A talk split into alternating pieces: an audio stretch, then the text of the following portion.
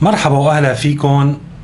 الحقيقة انخفاض الرواتب الأجور للدرجة اللي وصلت إلى يعني سوريا 30 دولار تقريبا بالشهر بين 30 و 50 دولار. مو بس له آثار سلبية إنه بيرمي شريحة واسعة أو معظم السوريين في خانة الفقر والعوز ولكن له أيضا نتائج مدمرة للمجتمع. يمكن يرمي المجتمع كله في يعني آه، يصبح مجتمع غير منتج فاقد للمهارات والطموح. ببساطة لأن بيصير البحث عن معونة أجدى وأسهل من أنه الواحد يشتغل كل الشهر لحتى يحصل 30 دولار. بسوريا حاليا طبعا آه، بدافع عمل الخير وهذا شيء يعني آه، مشكور ومحمود. في كثير من الجهات تقدم مساعدات. أول هذه الجهات هي المساعدات العائلية. يعني نحن نعرف في عدد مغتربين كبير من السوريين. في حتى اللاجئين يلي وصلوا لأوروبا أو أمريكا الشمالية أو كثير من بلدان العالم قادرين ببساطة يحولوا ل يعني آه، أقاربهم في الداخل 30 50 دولار 100 دولار.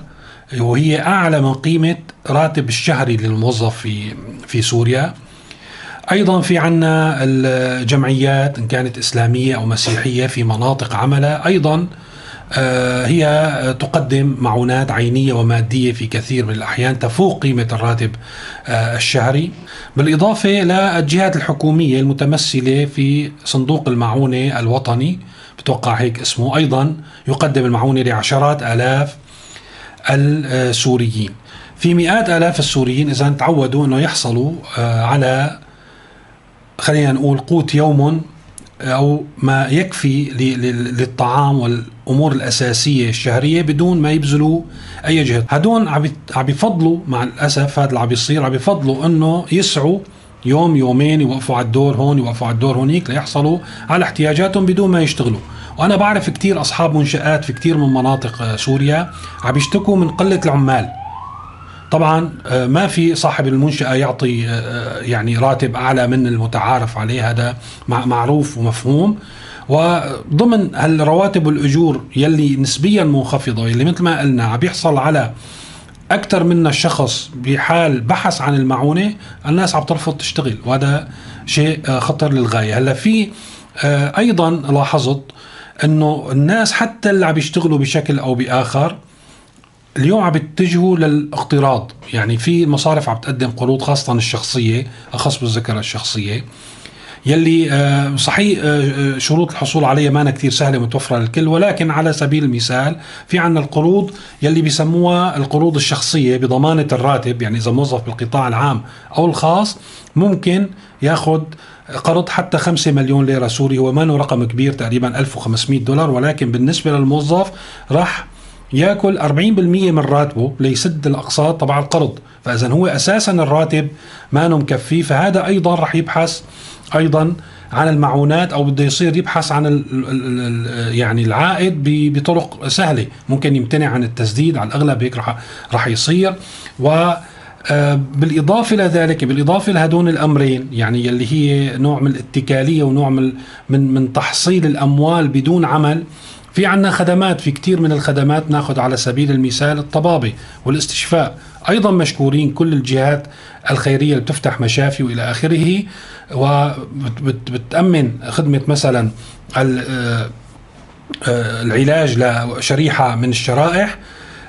أيضا هذه الخدمه مجانية ويحصل عليها ليس في مناطق النظام فقط أيضا في كثير من مناطق سوريا اللي خارجة عن سيطرة النظام. فاذا بهالحالة مثل ما قلنا وبلشنا التسجيل صار عملية الحصول على مستلزمات الحياة اللي هي صارت سقف الطموح عند ما من تبقى في سوريا أسهل الحصول عليه من خلال السعي وراء المساعدات من أنه يشتغل وهذا خطر للغاية لأن بيحولنا من مجتمع منتج إلى مجتمع متسول. بمعنى الكلمة يسعى أفراده للتسول الاحتياجات الأساسية لهم من الجهات اللي تقدم المعونة. في خطورة ثانية أنه موضوع المساعدات الحقيقة مرتبط بالمانح مرتبط بمصادر التمويل اللي ممكن توقف بأي لحظة.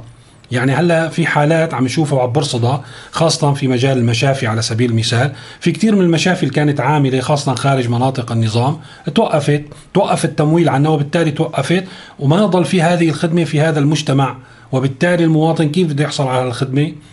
وما في يعني حتى لو كان في آه، أشخاص قادرين إنه يعملوا نوع من الأعمال في تقديم يعني خلينا نقول قطاع خاص يقدموا ما راح يحسن هذا المواطن اللي تعود ياخذ الخدمة ببلاش إنه يرجع ياخذها بمصاري وما عنده أصلا مصاري لا لا يدفعها.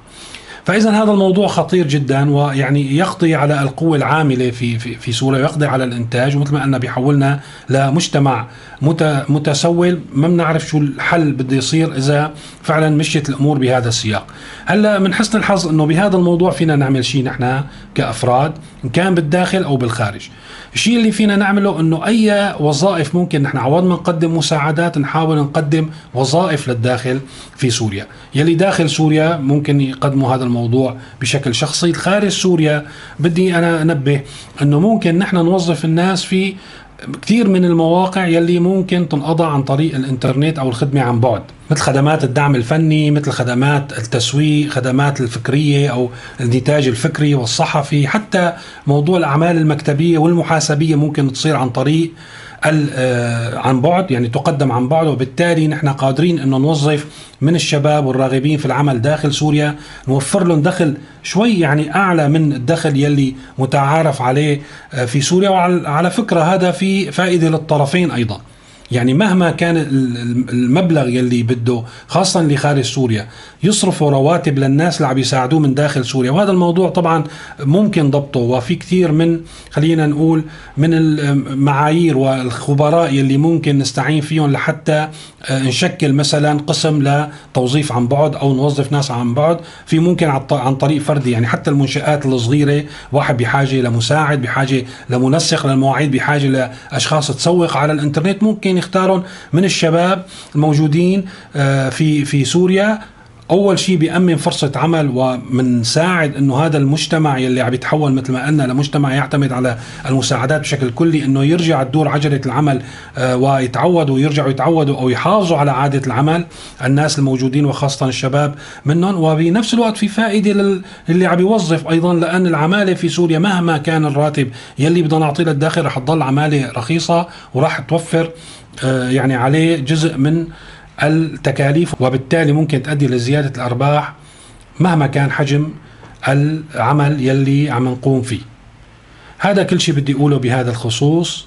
شكرا لاستماعكم شكرا لمتابعتكم ودعمكم للقناة دائم وإلى اللقاء في تسجيل قريب.